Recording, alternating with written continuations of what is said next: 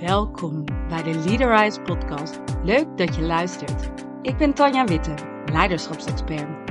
En in deze podcast neem ik je mee in mijn wereld van lef, leiderschap en levenslust.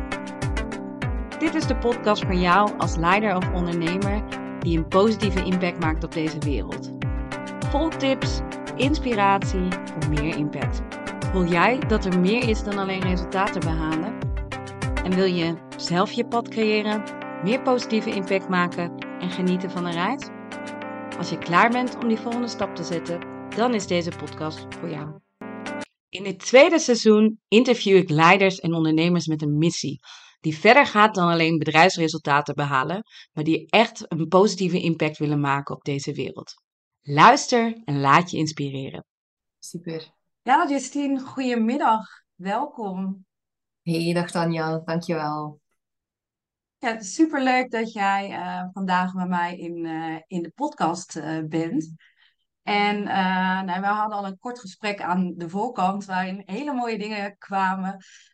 vandaar dat ik dacht, laten we er meteen induiken. En zou jij daar voor de luisteraar je eens willen, willen voorstellen? Wie, wie ben jij? Ja, absoluut. Um, mijn naam is Justine. Ik ben, of ik noem mezelf Mind Director. Vroeger was ik business coach voor ondernemers. En ik help eigenlijk artistieke en hoogsensitieve ondernemers om zichzelf te kunnen ontplooien, zodat ze een bedrijf kunnen bouwen waar ze 100% achter staan. Een onvergelijkbaar bedrijf dat eigenlijk gebaseerd is op hun eigen sterktes in plaats van um, op wat ze denken te moeten doen. Dus dat is de insteek. Mooi. En nou, daar ga ik je zo nog van alles over vragen. Maar ik ben ook wel benieuwd, wie is de persoon achter deze ondernemer? Wie, wie ben jij als mens? Mooie vraag. Um, als mens ben ik eerder introvert eigenlijk. Heel veel mensen geloven dat niet of, of vinden dat bizar, omdat ik wel makkelijk um, zichtbaar ben online. Maar dat is voor mij een totaal ander iets dan op een feest met honderd of duizend mensen zijn of voor een zaal staan praten bijvoorbeeld. Dus ik laat echt op als ik zelf thuis ben, alleen aan het creëren, aan het uitwerken, ideeën aan het bedenken en zo verder. Dus dat is misschien al iets interessants om te weten.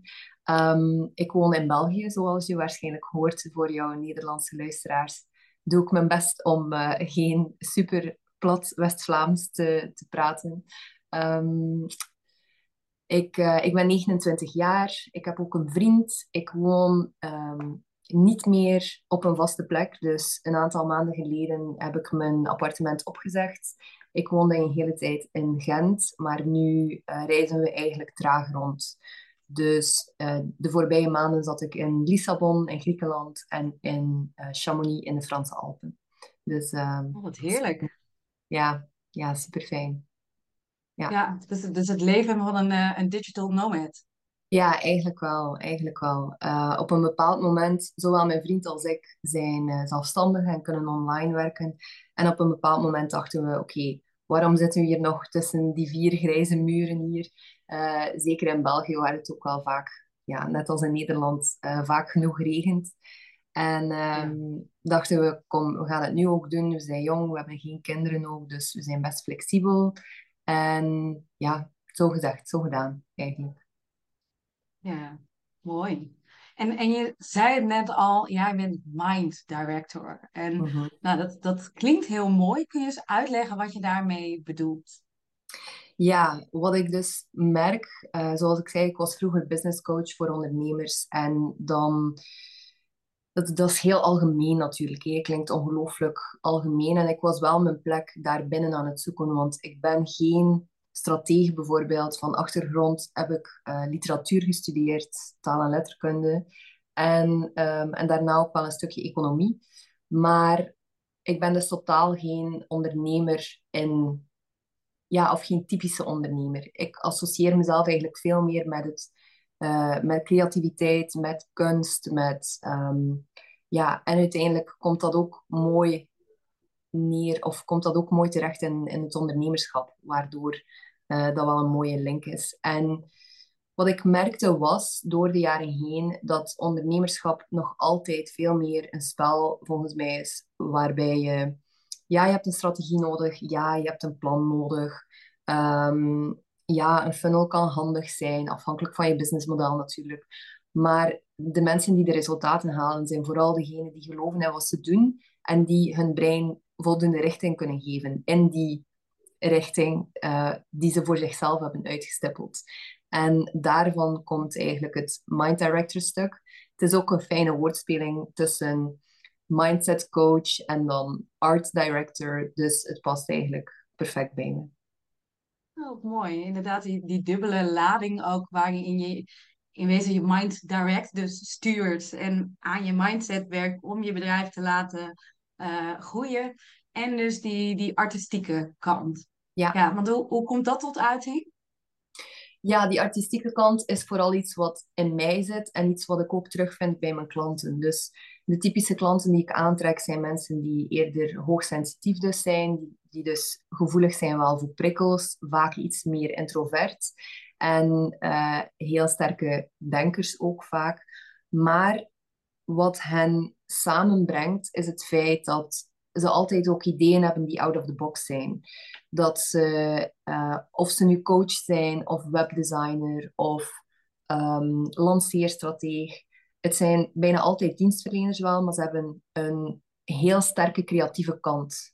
En dat zie je natuurlijk sowieso bij, bij ondernemerschap. Hè. Maar de mensen die ik aantrek hebben daar soms nog net iets meer, um, iets meer van in zichzelf. Ja, heel mooi. En, en ik ben heel nieuwsgierig hè, als je vertelt al over je bedrijf en je doelgroep en, en uh, nou, de, de, rol die je invult. En ik, ik ben ook benieuwd achter, naar het stuk daarachter, zeg maar, jouw, jouw grotere missie, wat jij op, op de wereld wil, uh, wil zetten. Kun je daar iets over vertellen? Ja, uh, die blijft natuurlijk vorm krijgen, maar ik wil echt mee in het ondernemerschap helpen ervoor te zorgen om het gesprek over geld en ondernemen helemaal open te trekken. Om echt de grotere, meest crazy ideeën die mijn klanten hebben, om die mee te helpen in de wereld te zetten. Om hen te laten weten dat, ook al voelt het helemaal gek, ook al zie je niemand die dit doet, het is oké om daarin te gaan staan. Ik had zo vorig jaar bijvoorbeeld een klant die zei van, ik weet niet naar wie ik kan kijken hiervoor, want ik heb het gevoel dat ik hier pionier in ben in wat ik doe. En dan dacht ik, ja, of zei ik ook tegen haar, dat is de perfecte plek waarin je wil zitten. Maar ze is wel super comfortabel, uh, oncomfortabel. Zoals we daarnet zeiden ook, qua skills die je nodig hebt, qua vaardigheden als ondernemer, zijn die vaak anders dan wat we op het typische werkveld en eigenlijk op school geleerd hebben. Op school word je afgestraft als je dingen creëert of wil bedenken die helemaal out of the box zijn of die ongezien zijn. Of uh, ja, is er daar vaak geen ruimte voor. Terwijl in het ondernemerschap heb je de vrijheid en de ruimte en soms ook hopelijk de tijd om met die ideeën te gaan zitten en om ze effectief praktisch in de wereld te zetten. Dus um, ik weet niet meer wat, je, wat jouw vraag precies was, maar um, het ging over de missie. Hè? Ja. Dus die grote ideeën op de wereld zetten en daarnaast ook echt het, uh, ja, het geldstuk enorm bespreekbaar maken. Dat blijft ook iets dat heel dicht, heel dicht bij mij blijft terugkomen. Ja. Ja. En want waarom, waarom is dat zo belangrijk voor jou om dat open te breken en dat bespreekbaar te maken? Ja, omdat ik merk dat het nog steeds taboe is. Omdat ik voel dat... Weet je, ik heb een hele periode ben ik enorm gegroeid in mijn bedrijf, omdat ik echt op mijn eigen bedrijf aan het focussen was, omdat ik focuste op wat er goed ging, omdat ik focuste op, uh, ja, ook letterlijk meer geld, meer omzet draaien.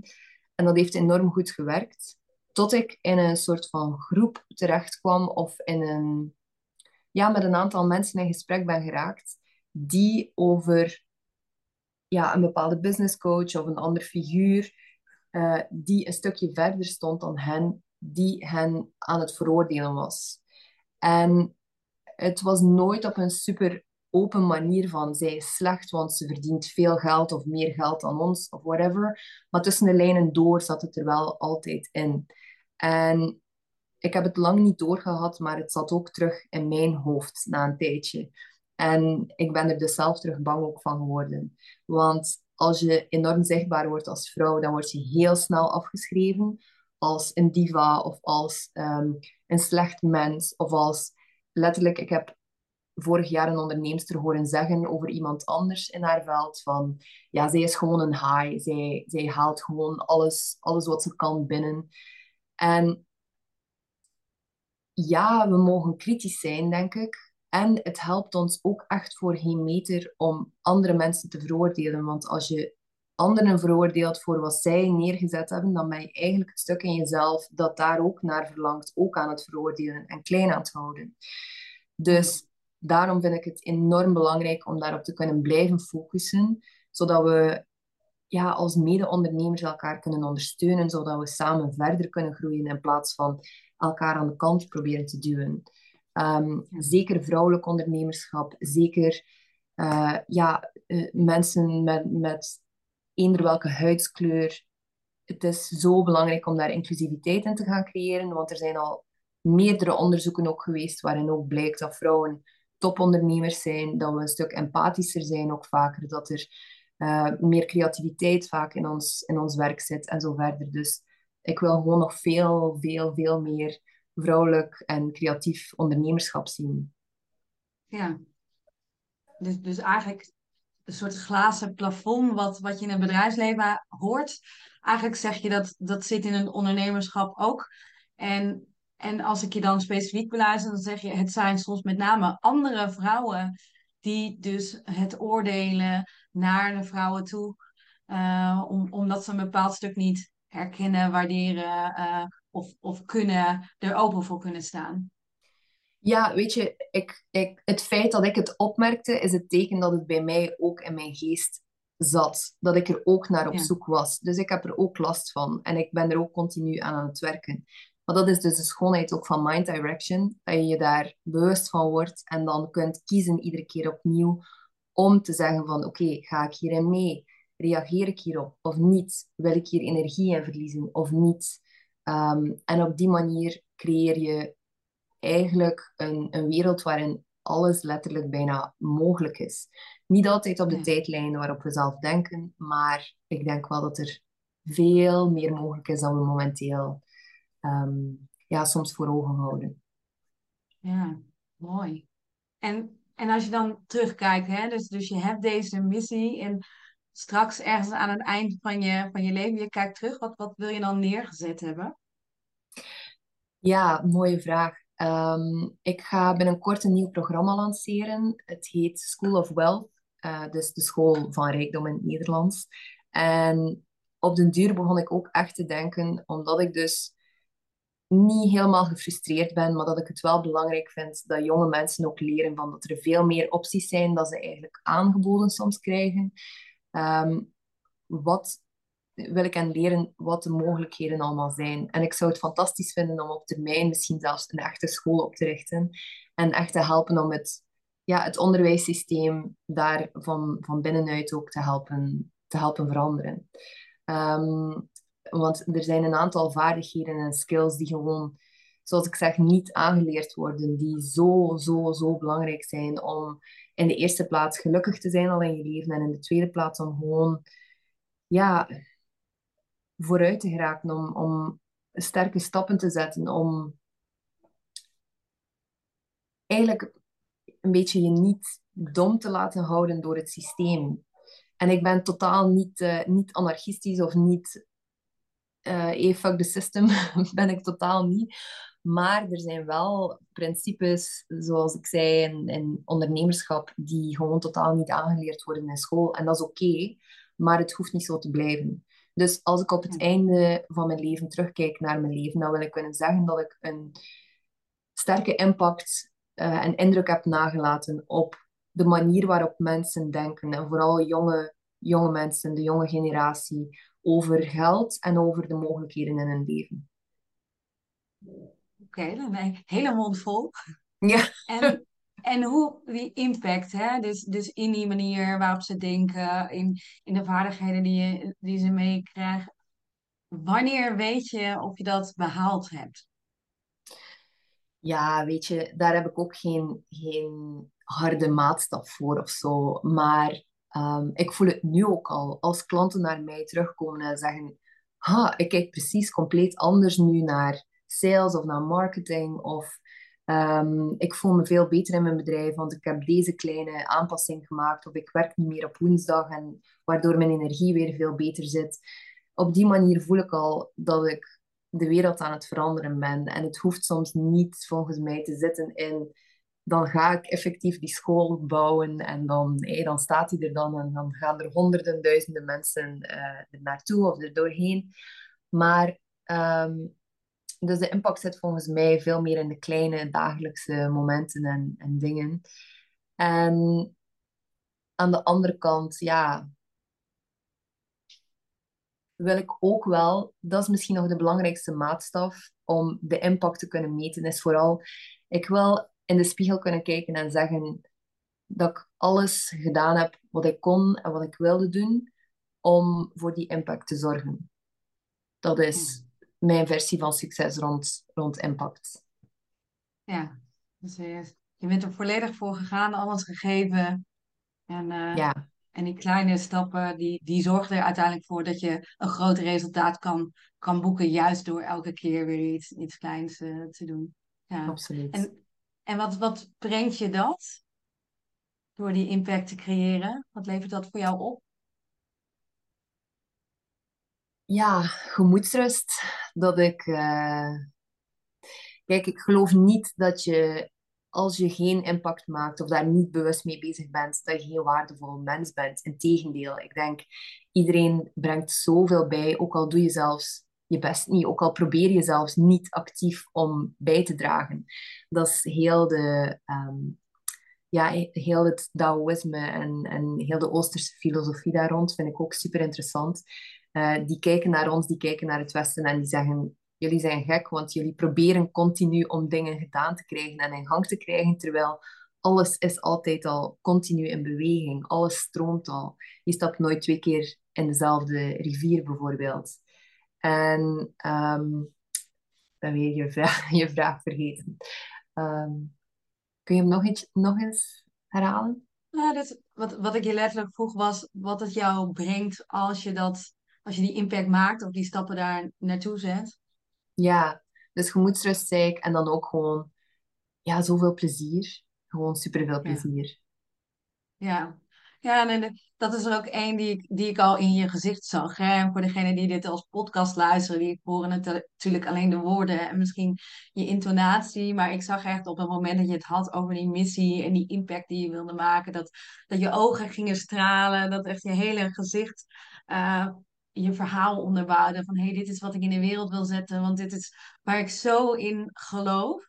Dat, uh, dat de strategie in een bedrijf en alle acties die ik doe uh, ja, het middel zijn om, uh, om daar te komen. Mm -hmm. Mooi, dankjewel om het terug te reflecteren. Ja, ja en ik, ik ben wel benieuwd, hè, ook, ook als we meer inzoomen op, op jou. Dus, dus jij hebt deze nou, best grote missie, die veel verder gaat dan, dan je bedrijf. Um, hoe heb jij zeg maar, lef, leiderschap en levenslust ingezet om daar te komen? Hè? Want ja, je, je weet dat dat, dat een methode is waarin ik geloof dat, dat juist die balans je daarin kan helpen. Ehm, en ik ben eens benieuwd hoe jij dat zelf hebt ervaren in jouw reis tot nu toe. Ja, mooie vraag ook. Ik vind het trouwens een heel mooi drieluik dat je gecreëerd hebt. Ik vind dat ze elkaar heel goed aanvullen en ook alle drie even belangrijk zijn. Ehm, ik heb het gevoel, zoals ik in je in je enquête geschreven had of in je test, dat zowel lef als leiderschap tot nu toe heel belangrijk geweest zijn voor mij. Um, ik had lef nodig om nog maar te bedenken dat ik ooit zelfstandig zou worden. Eerst was het nog als copywriter en dan daarna ben ik pas um, business coaching en mind direction beginnen doen. Dus daar was heel veel lef voor nodig in het begin, omdat mijn complete omgeving alle alarmbellen gingen bij iedereen af, want het was onveilig, het was risicovol, het is niet oké. Ik had bijvoorbeeld vorige week een gesprek met een vriendin van het dorp waar ik vandaan kom en die was mij nog altijd ja, een beetje aan het veroordelen ook zelfs. Dat ze zei van, wat, wat doe jij nu eigenlijk? En ze snapte er letterlijk niets van. En plots begreep ik ook weer van, ah ja, oké, dit is waar ik vandaan kom. Soms denk ik dat, dat bijvoorbeeld bepaalde dingen niet snel genoeg gaan, nu in mijn leven. En dan kijk ik terug en dan besef ik, oh, we komen echt wel van ver. Ehm, geen enkele ondernemer bijna in mijn gezin en zo verder. Dus het ondernemerschap was niet, niet evident om te starten. Dus daar was heel veel lef nodig. En dan daarna is een stuk leiderschap gekomen, volgens mij. Leiderschap en samenwerkingen met mijn klanten en beslissen welke programma's ik wel of niet wilde verkopen. Echt zo die CEO-rol leren opnemen. En dan de derde is uh, levenslust of kracht. Hè. Ik denk dat ik daar nu vooral mee bezig ben en nu in zit. Uh, de keuze om ons appartement op te zeggen, bijvoorbeeld, heeft echt gezorgd voor veel levenslust terug. Want vorig jaar zat ik een beetje in een bore-out, waarbij ik um, ja, op den duur het ondernemerschap er zijn gewoon bepaalde regels ook die je volgt. En uh, zeker als het gaat over sales bijvoorbeeld, je volgt bepaalde principes, bepaalde regels, je zet door en dan komen de resultaten er sowieso. Dus het, op den duur voelde het een beetje als, oké, waar ben ik nu eigenlijk weer mee bezig? En moest ik weer gaan herdefiniëren wie ik wil helpen, waarom ik die persoon wil helpen, wat mijn missie nu eigenlijk is. En moest ik echt ook dus op zoek daarnaar aan de, aan de ene kant, maar ook naar fijne manieren om mijn leven verder te leiden. Die levenslust verder gaan aanwakkeren. Want ik had een super simpel bedrijf dat vrij winstgevend was. En ik had enorm veel tijd. Dus mijn businesscoach zei ook continu, maar jij verveelt je te pletter. Jij verveelt je gewoon. Ja. Stop met mij vragen te stellen. Je verveelt je gewoon. Zoek je een hobby. Ze zei dat letterlijk. Ga gewoon een leuke hobby zoeken. En ehm, ja, daar ben ik nu vooral, vooral mee bezig. Dus uh, terug mijn leven ook op te pakken naast, naast mijn bedrijf weer. Ja. Ja, mooi. Laten we even, want je, je noemde een heleboel in één keer. Hè? En ik ben heel nieuwsgierig. Jij zei dat stuk lef, dat is waar, eigenlijk waar het allemaal begon. En wat is dan voor jou de trigger geweest om in het ondernemerschap te stappen? als eigenlijk jouw hele omgeving helemaal niet zo ingericht was en daar uh, oordelen over heeft en eigenlijk helemaal niet zo supportive is als ik jou zo hoor. Wat, wat maakt dan dat jij dacht, laat ik ondernemer worden? Ja, dat is grappig dat je dat zegt, want die gedachte is dus eigenlijk nooit actief eerst in mijn hoofd opgekomen. Ik zat in, dus ik had talen gestudeerd, dan ben ik eventjes in de mode-industrie terechtgekomen. Um, begreep ik ook dat het echt verschrikkelijk hard werken was en allemaal veel minder mooi was aan de achterkant dan aan de voorkant. En ben ik in de PR-sector, PR en influencing, influencer marketing terechtgekomen. En op zich was het een heel leerrijke job achteraf gezien, maar ik was er echt miserabel omdat ik heel streng was voor mezelf en de druk veel te hoog aan het leggen was. En ik snapte ook niet goed wat wij eigenlijk aan het doen waren. Dus ik heb die job negen maanden gedaan. En uiteindelijk was ik echt ja, richting burn-out al aan het gaan, terwijl het mijn eerste vaste job was. Dus dat was niet de bedoeling. Ehm, en ik had een vriendin die op dat moment copywriter was. Fulltime. En ik was ook zelf terug aan het zoeken van, oké, als deze job het niet was, dat was trouwens mijn grootste nachtmerrie. Dat ik een job deed die op papier er geweldig uitzag. Leuk bedrijf, leuk agency, leuke klanten. Voor Disneyland Parijs mogen schrijven, voor Decathlon. Ehm, ja, echt eigenlijk een mooie job op papier. En in de realiteit bleek dat dan ook niet het juiste pad voor mij te zijn. Dus ik dacht, oh my god, dat is een grote ramp. Ik weet totaal niet waar of hoe ik nu verder moet. Dus ik heb echt een lijstje gemaakt met wat vind ik leuk, wat vind ik interessant. Um, stonden dingen op als mode, koffie, schrijven, reizen, ehm, ja, literatuur, echt van alles. Uh, en uiteindelijk heb ik een combinatie gemaakt van in een winkel werken, dus in een, in een mooie kledingwinkel, Love Stories. Het is eigenlijk een Nederlands merk. Um, dus dat deed ik part-time. En dan part-time ben ik uh, beginnen copywriten in bijberoep. Dus ik ben met die vriendin gaan praten die copywriter was. Gevraagd hoe zit het in elkaar precies, hoe, hoe werken die tarieven en zo verder. En ja, eigenlijk gewoon zo, zo begonnen. En het mooie was, ik kon mijn kosten dekken met mijn job. En dan alles van mijn bijberoep, dat kwam er gewoon bij. Het spannendste was in het begin mijn, uh, mijn ondernemingsnummer aanvragen. En dan voor de rest hier en daar al eens beginnen uitreiken naar mensen. Maar ik had letterlijk niets te verliezen ook op dat moment. Behalve natuurlijk de goedkeuring van mijn ouders, die het verschrikkelijk vonden dat ik na vijf jaar studeren in een lingeriewinkel ging werken. Dus dat was wel eventjes moeilijk, ja. Ehm, ja, en zo, zo ben ik eigenlijk helemaal per ondernemer geworden. Ja, want hoe kwam je dan van die lijst naar dit vind ik leuk, waar ik met name hobby's in hoorde. En, en dus uh, die baan naar, ik, ik ga dan het ondernemerschap in. Want ik begrijp wel dat het inkomen er al was, dus dat het veilig was. Maar die, die drive om dan het lef te tonen om dat te doen, waar kwam die dan vandaan? Ik had het gevoel dat ik van nul moest beginnen. En ik had niets meer te verliezen. Ik dacht, oké, ik, heb, ik heb een spaarpotje, dus als alles verkeerd gaat, zijn mijn kosten gedekt en ik heb een spaarpot. Dus daar, voor het geld moest ik het niet doen. Ehm, en ik dacht ook dat ik altijd een soort van droomjob ging vinden. En plots kreeg ik door van, ja, ik heb het gewoon zelf te creëren. Ik ga het moeten zelf samenstellen. Er zijn geen voorbeelden. Je kunt hier en daar wel iets lenen of iets, iets bekijken van iemand, maar ik wil het zelf doen. Ik ga het zelf in handen nemen. Ehm, een grote impact op dat moment was ook mijn vriend, die twee jaar in Amerika woonde. Dus wij hadden een latrelatie op dat moment. En wij voelden ook alle twee van dat we ons eigen leven echt wilden beginnen bouwen. Dat we op ons eigen manier wilden in het leven staan. En dat versterkte enkel door samen te zijn en door heel veel gesprekken over zelfontwikkeling te hebben. Ehm, en ik denk dat dat ook een, een, grote invloed geweest is op het feit dat ik heb durven beginnen copywriten in bijberoep. Dat is dan uiteindelijk hoofdberoep geworden en dan ben ik overgeschakeld naar, uh, ja, naar Mind Direction. Ja. Ja, en ik denk, denk dat je wat noemt dat voor mij en wat ik veel om me heen zie heel herkenbaar is. Dat, dat je een bepaald beeld hebt van wat het werkende leven inhoudt. Uh, Zo'n rooskleurig plaatje. En dan vaak juist door bepaalde successen op papier te behalen.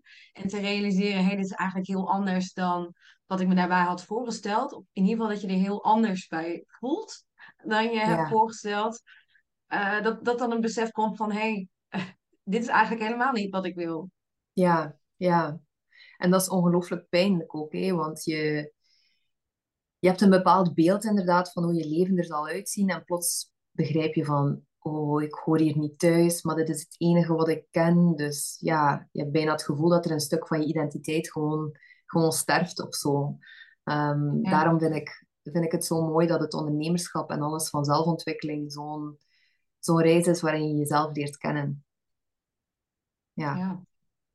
Ja, nou, jouw titel als mind director geldt natuurlijk ook voor jezelf in die zin. Dat, nou, daar zal best wat, wat soul searching aan, aan te pas zijn gekomen om te kijken, oké, als je letterlijk zegt een deel van mijn identiteit sterft af en ik heb dan een nieuwe op te bouwen en ik zoek een nieuwe richting. Uh, ja, ik kan me voorstellen dat dat ook wat uh, inner werk heeft, uh, heeft gekost. Ja, absoluut. Absoluut. Ja. Ja. Ik ben eigenlijk ook benieuwd, mag ik ook een vraag stellen aan jou? Zeker. Ja? Hoe het voor jou ehm, geweest is al tot nu toe om eigenlijk, of op welke manier jij je eigen identiteit ook al hebt tegengekomen en misschien bijgestuurd. Want dat heb je onvermijdelijk ook al gedaan, denk ik. Ja, ja het, op, op meerdere momenten. Maar ik denk dat degene die het meest relevant is, is eigenlijk heel vergelijkbaar met wat jij nu schetst. Als in, ehm, ja, ik had een beeld van uh, the only way is up. En dus in het, je gaat het bedrijfsleven in, je doet een wetenschappelijke studie, want het hoort erbij. Had eigenlijk ook nog gymnasium moeten doen als ik in mijn familie kijk. En weet je, allemaal van die ongeschreven normen.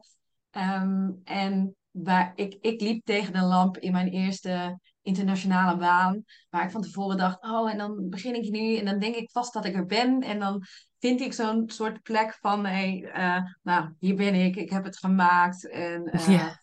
en het, het, tegenovergestelde was waar. Het was veel operationeler uh, dan ik dacht, terwijl ik het heel strategisch had ingeschat. Het was vooral heel hard werken.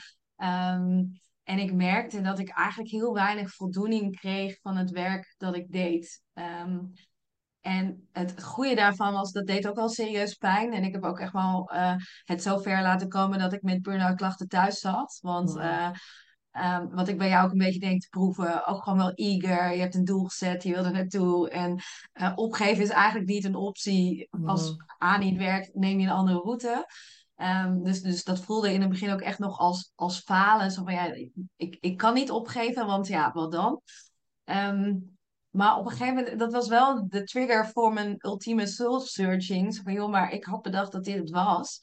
En mm. als dan niet dit, wat dan wel? En toen heb ik echt voor mezelf een soort lijstje gemaakt van wat vind ik dan belangrijk. Ja, met mensen werken die, die willen en kunnen, of tenminste in ieder geval de potentie hebben, misschien nog niet helemaal weten hoe, maar wel de drive om daar iets mee te doen. En, en mensen echt raken in, in hun hart en niet alleen in hun hoofd. En, um, maar ook wel dingen doen die impact maken. Dus, dus dat ik zie dat er een, een transformatie of een verandering plaatsvindt. Dat, nou, en, en, dat binnen een omgeving waarin echt de mens centraal staat. Want nou, ik merkte gewoon dat als je kijkt naar wat veel bedrijven zeggen, dan, dan kun je daar allemaal vinkjes achter zetten. Hè? Dat, mm. Heel vaak wordt, wordt het iets verkocht uh, als heel mensgericht en het kan allemaal. En, en als je dan in de praktijk kijkt naar de cultuur of waar prioriteit aan wordt gegeven, vind ik dat het helemaal niet zo geldt. Dat bedrijfsresultaten vaak voorop staat. Dat, uh, nou ja, dat, dat ook nu met tekort aan mensen anderen geacht worden harder te werken. Mm. Um,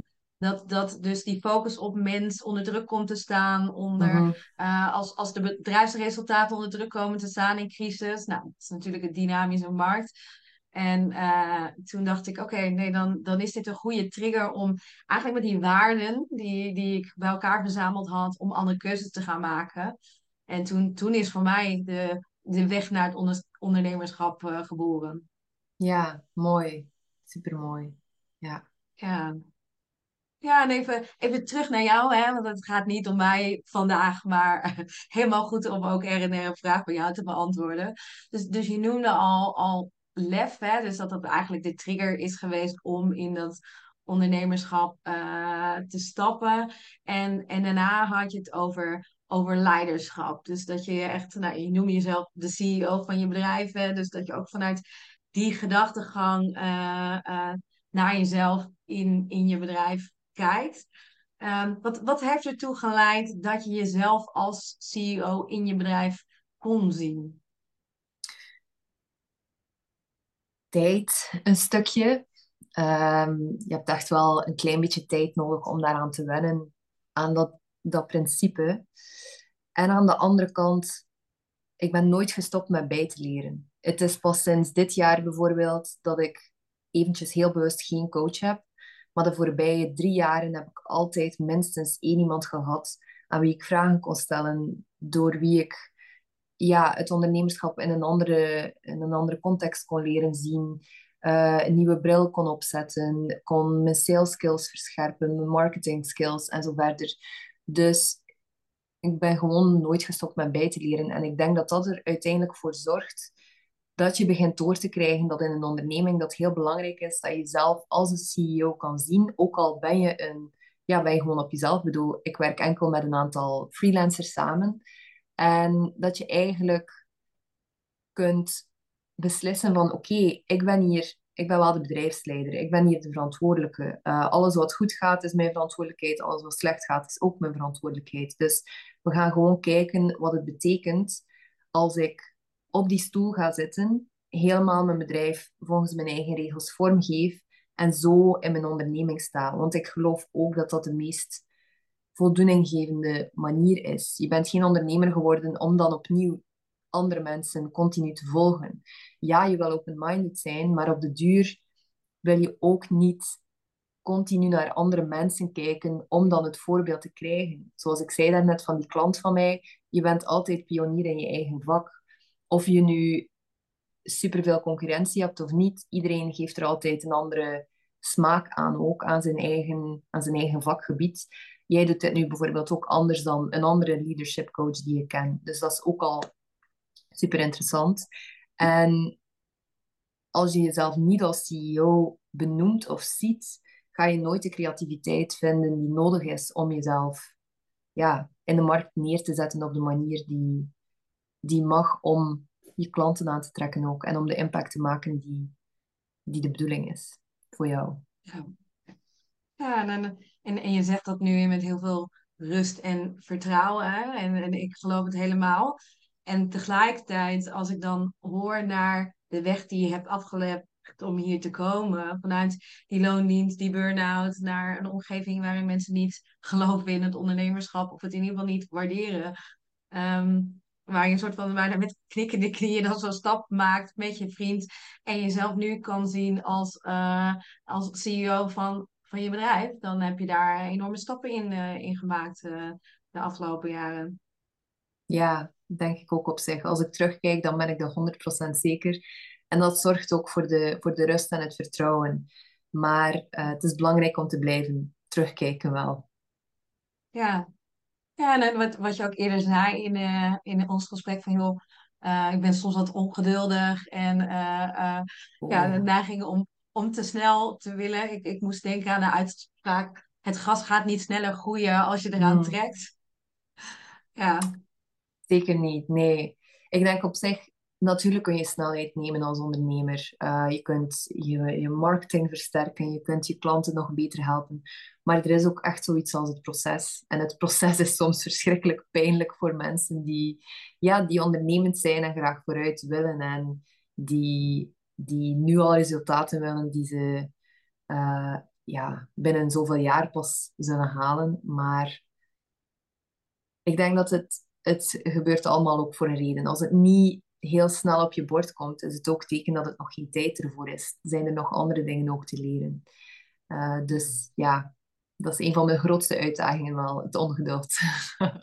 ja, heel, heel herkenbaar hoor. Ik kan, kan zelf ook vertrouwen op het proces en hele lastige zitten als ik midden in het proces zit. Dus uh, yeah. ik, ik voel hem helemaal. Uh, ja. ja, mooi. Ja, en ik, ik, denk dat deze vraag er wel mooi bij aansluit. De, de vraag die, die Tess Bachhuis heeft meegegeven als aanleiding voor, uh, voor dit interview. Um, want zij en, en ik dus ook zijn heel benieuwd naar uh, het inzicht, het ene inzicht, of misschien wel meerdere inzichten, die ervoor gezorgd hebben dat jij echt 100% je eigen ding bent gaan doen in je eigen bedrijf. Ja,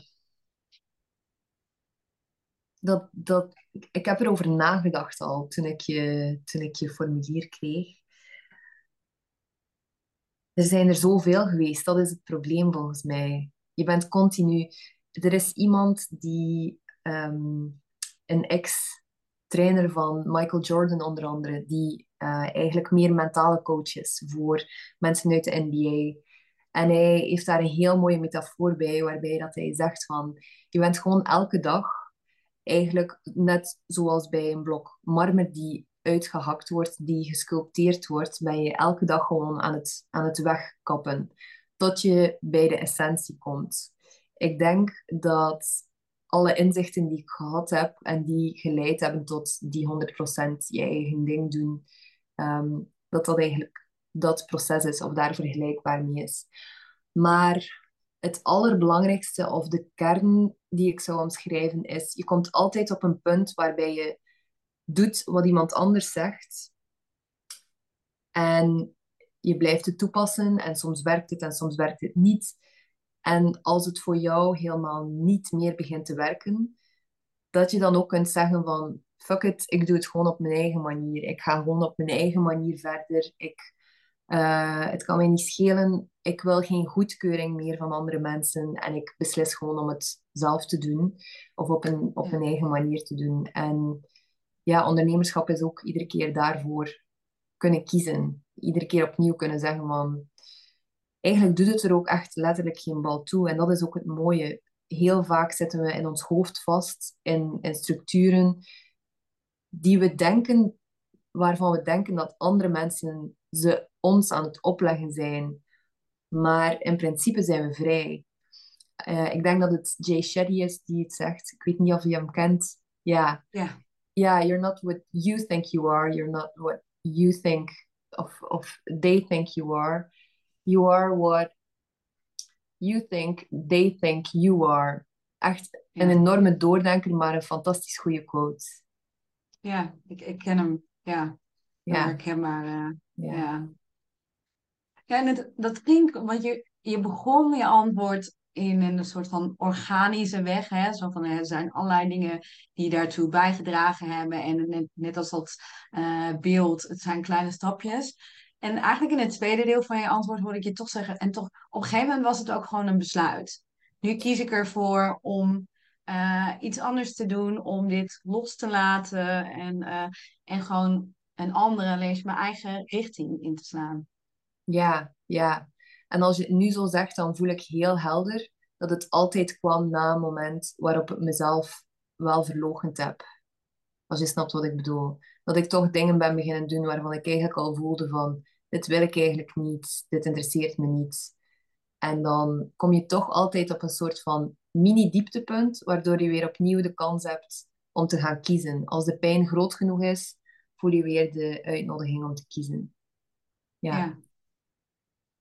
Ja, nou, gelukkig was het een mini-dieptepunt. Ja, ja. Niet een ultieme breakdown. Ja. ja, nee, zo gaat het ook volgens mij niet. Het is gewoon, je wordt je veel bewuster. Zeker als je jezelf dan CEO begint te noemen van waar het beter kan en waar je je beter kunt voelen. En wat er, wat er anders mag. Wat er meer jouw ding is. Wat er meer voor jou weggelegd is. Ja. Ja, ja mooie, mooie stap, denk ik, die je daarin gezet hebt. Wat, wat brengt dat jou sinds je die, die keuze gemaakt hebt? Rust. Rust, vrijheid.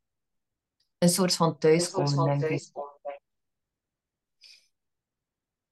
Een thuiskomen die je enkel misschien niet enkel in het ondernemerschap vindt, maar die je echt zelf te creëren hebt en, en in het ondernemerschap kunt terugvinden.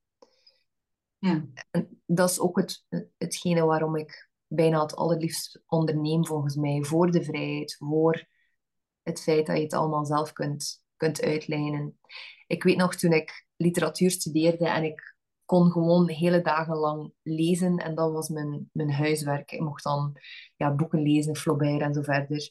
En ik weet nog dat ik dacht van dit is zo fijn dat ik gewoon zelf kan kiezen wanneer ik ehm, ja, ga lezen of wanneer ik studeer of als ik wil uitgaan vandaag. En ik keek altijd met heel veel nostalgie terug naar die periode. Dus ik denk niet dat het toeval is dat ik uiteindelijk weer datzelfde leven bijna voor mezelf gecreëerd heb. Ehm, nu is het niet lezen natuurlijk, nu creëer ik content en nu, nu help ik mijn klanten, maar het voelt wel even natuurlijk en even, even fijn en even speels om te doen. Ja, ja. mooi. Ik, ik wil nog even met jou naar de impact scan kijken. Want jij noemde het al aan het begin van, de, van het gesprek. Je hebt de, de vragen ingevuld om eens te kijken hoe die balans tussen lef, leiderschap en levenslust is. En ehm, ja, wat, wat mij in ieder geval opvalt, is dat je heel congruent bent. Dus, dus ook in dit gesprek, hè, dat je al zei van joh, het begon met lef en, uh, en leiderschap en, en levenslust heb ik nog wel iets, iets in te doen. Ja, dat, dat is ook wel wat ik terugzie in jouw vragenlijst. En dat, dat klinkt misschien als een open deur, maar dat is niet altijd het geval. Soms heb ik een gesprek met hmm. iemand en, en die heeft in het gesprek gaat het een andere richting op of is de balans anders dan uh, in de antwoorden? En bij jou zie ik daar echt een, een lijn in waarin het lijkt te beginnen met lef, alsof dat de trigger was, maar heel erg gevolgd door, uh, door leiderschap. Um, en wat je zelf ook al schetst, in, in je antwoorden zie ik die levenslust nog helemaal niet terug. Dus, dus er lijkt één hele stevige pilaar te zijn, dat leiderschap. Mm. En dat klopt ook met de CEO van je bedrijf zijn. En lef om daar in ieder geval weer voor te blijven kiezen. Alleen die, die levenslust, ja, die, die zie ik nog niet terug in ehm, in je antwoorden. En nou dat, dat zei je ook al, van dat die fun en joy er een beetje uit is. En dat je, dat je nu uh, in, in hobby's dat aan het terugvinden bent. Ik ben wel nieuws, nieuwsgierig. Hè? Kijk, het kan natuurlijk een hele bewuste keuze zijn om te zeggen: ik kies die levenslust voor in privé. En tegelijkertijd ben ik ook wel nieuwsgierig in, in hoeverre jij die ook kunt vinden in je bedrijf. Zodat dat niet twee werelden hoeven te zijn. Hoe, hoe klinkt dat als ik jou dat zo vraag? Ja, mooi. En ook iets waar ik sowieso mee bezig ben of terug aan het vinden ben. Ik heb ontdekt ook sinds dit jaar dan, aangezien ik vorig jaar in die bore-out gesukkeld was, ik creëerde niet veel meer op de duur. En nu ben ik dat terug beginnen doen, ben ik terug consistent content aan het posten en van alles aan het uitwerken. Ik heb ook een boek geschreven dit jaar en is die creatiekracht terug helemaal aangewakkerd, wat echt ook zorgt voor, ja, creatie ligt voor mij heel dicht bij vitaliteit, levenskracht, bij, dat is in Human Design ook je sacrale center, dus dat is ook helemaal terug, uh, het motortje is terug in gang geraakt, wel op die manier. Ja, ja. Ja, mooi. En, en want hoe, hoe gebruik je dat dan? Hè? Want, want hier zeg je nog, ik ben er naar op zoek. En ik hoor een aantal elementen waar het al, al terugkomt. Dus die creativiteit. En is, is dat ook iets wat je nu al bewust inzet in eigenlijk je hele strategie? Of, of is het meer her en der een element waar je even kunt intappen, maar iets wat nog niet consistent voor jou aanwezig is? Ja, ik denk, ik probeer ook wel altijd als ik bijvoorbeeld doelen uh, omschrijf of um, onderzoek wat ik een bepaald kwartaal wil doen, probeer ik altijd heel sterk aan te voelen van, is dit wat ik nu wil voor mezelf? En is dit, zal ik hier gelukkig van worden? Ga ik hiervan opladen in plaats van leeglopen? Dus dat is misschien ook wel iets dat dan meer in de algemene strategie doorheen verworven zit. Maar ik heb het gevoel dat je misschien nog, nog iets anders bedoelt. Of heb ik het mis? Nou, dus, dus wat je zegt klopt. En, en ergens voel ik alsof er nog een soort van rem op die levenslust zit. Alsof het er wel is, maar in beperkte mate. Of dat bij sommige aspecten dat je daar al naartoe kan en dat je daar bewust mee bezig bent. Alleen als je kijkt naar het totaalbeeld, als, als je dan letterlijk die drie pijlers hebt, je hebt heel, één heel stevig staan, één een beetje. En levenslust voelt nog een beetje wankel in, in balans met die twee andere pijlers. En nou, ik kan me zo voorstellen voor jou, ook voor lange termijn, succes en plezier in je bedrijf op weg naar die grote missie. Dat, dat op het moment dat je die derde pijler ook steviger weet neer te zetten en, en dat ook echt voelt in, in alles wat je doet. Dat je met veel, nog veel meer rust en nog veel meer plezier uh, nou, bijna naar die missie toezweeft, als het ware. In, in plaats van aan, aan dat gras te, te trekken om uit die comfortzone te komen. Om maar die, uh, dat, dat de energie nog meer naar uh, die kant verschuift. Ja, absoluut. Ja. ja, ik denk dat je daar wel, wel een punt hebt, sowieso. Sowieso. Ja. misschien nog iets om, om voor over na te denken wat, uh, wat dat voor jezelf zou kunnen brengen. Ja. Ja. Mooi. Ja, en als je, als je kijkt naar, uh, naar ons gesprek, hè, we hebben al best veel besproken over hoe je hier bent gekomen, uh, over die balans waar, waar je nog naar, naartoe zou, zou willen. En, en als je kijkt naar, naar wat de wereld nodig heeft, hè, van, van die drie elementen. Wat, wat denk je dan dat er nog meer uh, zou mogen zijn in de wereld? Uh, zeker als je kijkt naar jouw missie. Oeh, in de wereld. Ja, mijn missie draait bijna volledig rond, rond leiderschap. Hè. Uh, als ik, als ik kijk, het gaat over zelf de keuzes terug in handen kunnen nemen. En dan ook wel een klein stukje lef. Maar ik denk dat het voornamelijk over leiderschap gaat, waarbij je leert kiezen voor jezelf, dat je leert um, ja, de beslissingen maken over je eigen leven. Zoveel mensen leven hun leven, zoals ik daarnet zei, volgens de structuren van, van andere mensen of van, van het collectief. Um, dus ik denk in het algemeen dat, dat de wereld meer meer leiderschap nodig heeft, maar misschien ook wel die, die levenskracht, ook die vitaliteit, ja. Ehm, ja, is een beetje hand, die gaan hand in hand met elkaar ook natuurlijk. Maar als ik zeg dat mensen hun eigen keuzes moeilijker kunnen maken of altijd volgens de bepaalde ongeschreven regels leven, dan zie je ook gewoon de levenskracht heel vaak wegstromen. Dan gaan we beginnen zagen en klagen, dan beginnen we te, te, ja, te veel te eten, dan beginnen we, beginnen we te veel te shoppen, dan, uh, dan roken en drinken we te veel, dan, en zo verder. Dus die, die, het gebrek aan die keuzes maken over ons eigen leven en door het leven gaan als, bij wijze van spreken, een slachtoffer, heeft echt wel een impact ook op ons, op ons gedrag en op onze, onze levensstijl. En op onze levenskracht dus ook. Ja. Ja, ja mooi. Ja, ik denk heel herkenbaar. Hè? Die, die noemde een aantal verslavingen die mensen gebruiken om, om eigenlijk de aandacht af te leiden van hetgeen wat ze niet willen zien of voelen. Ik denk dat de telefoonverslaving er ook één, één is.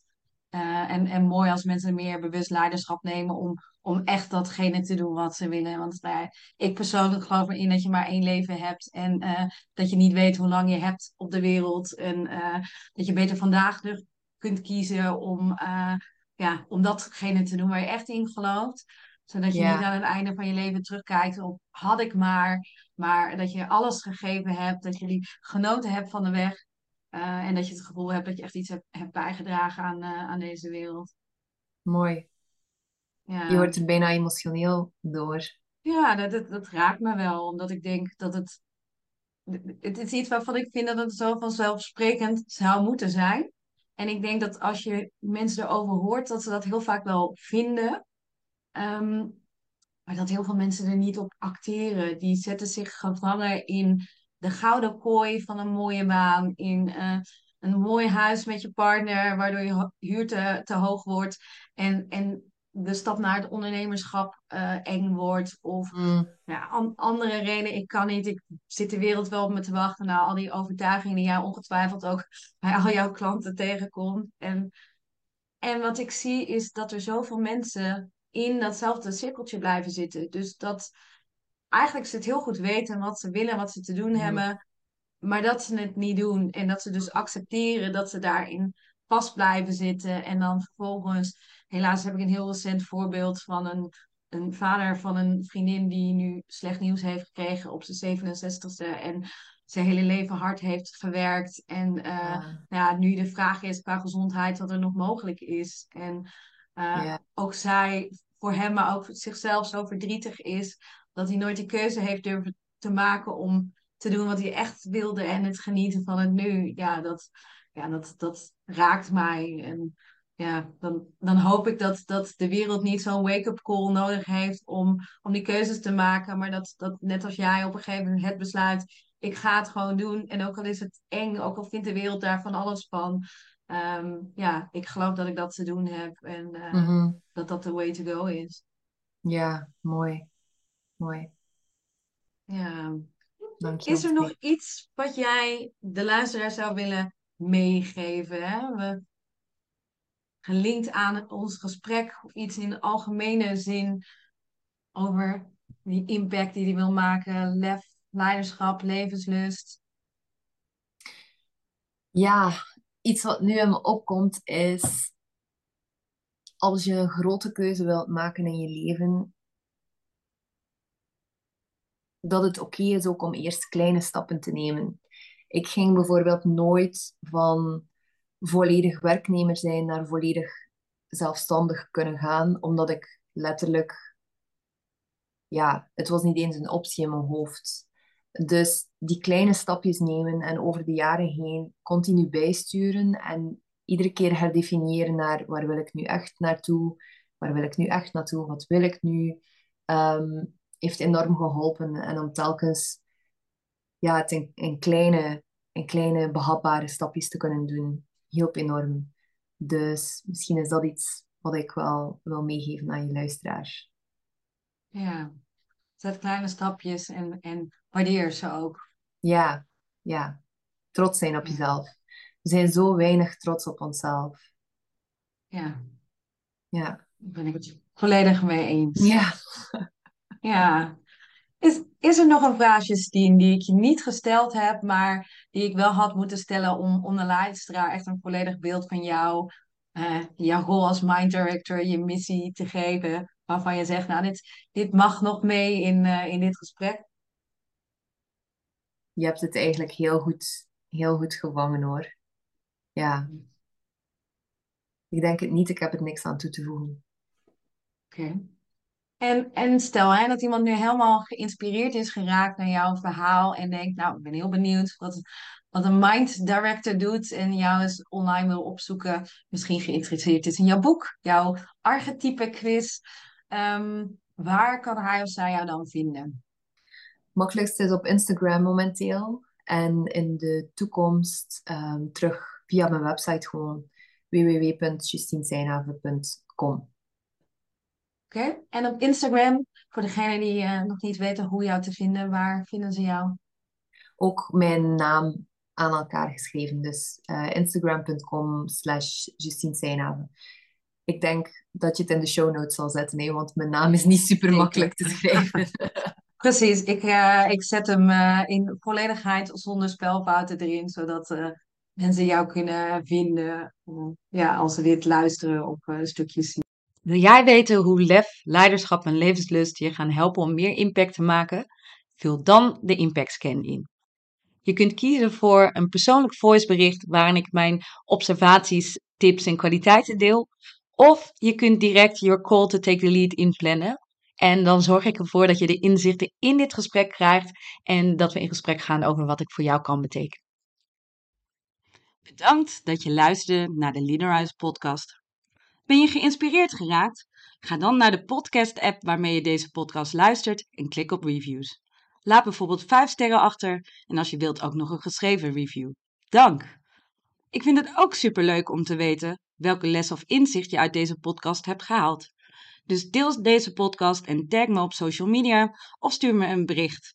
Je vindt me op @leaderize underscore of Tanja Witte op LinkedIn. Wil je meer weten over hoe je met mij kunt samenwerken voor jou of je bedrijf? Ga dan naar www.leaderize.nl of plan direct your call to take the lead via de link in bio. Ik kijk ernaar uit om met je in gesprek te gaan. Tot de volgende aflevering. Give rise to the leader in you.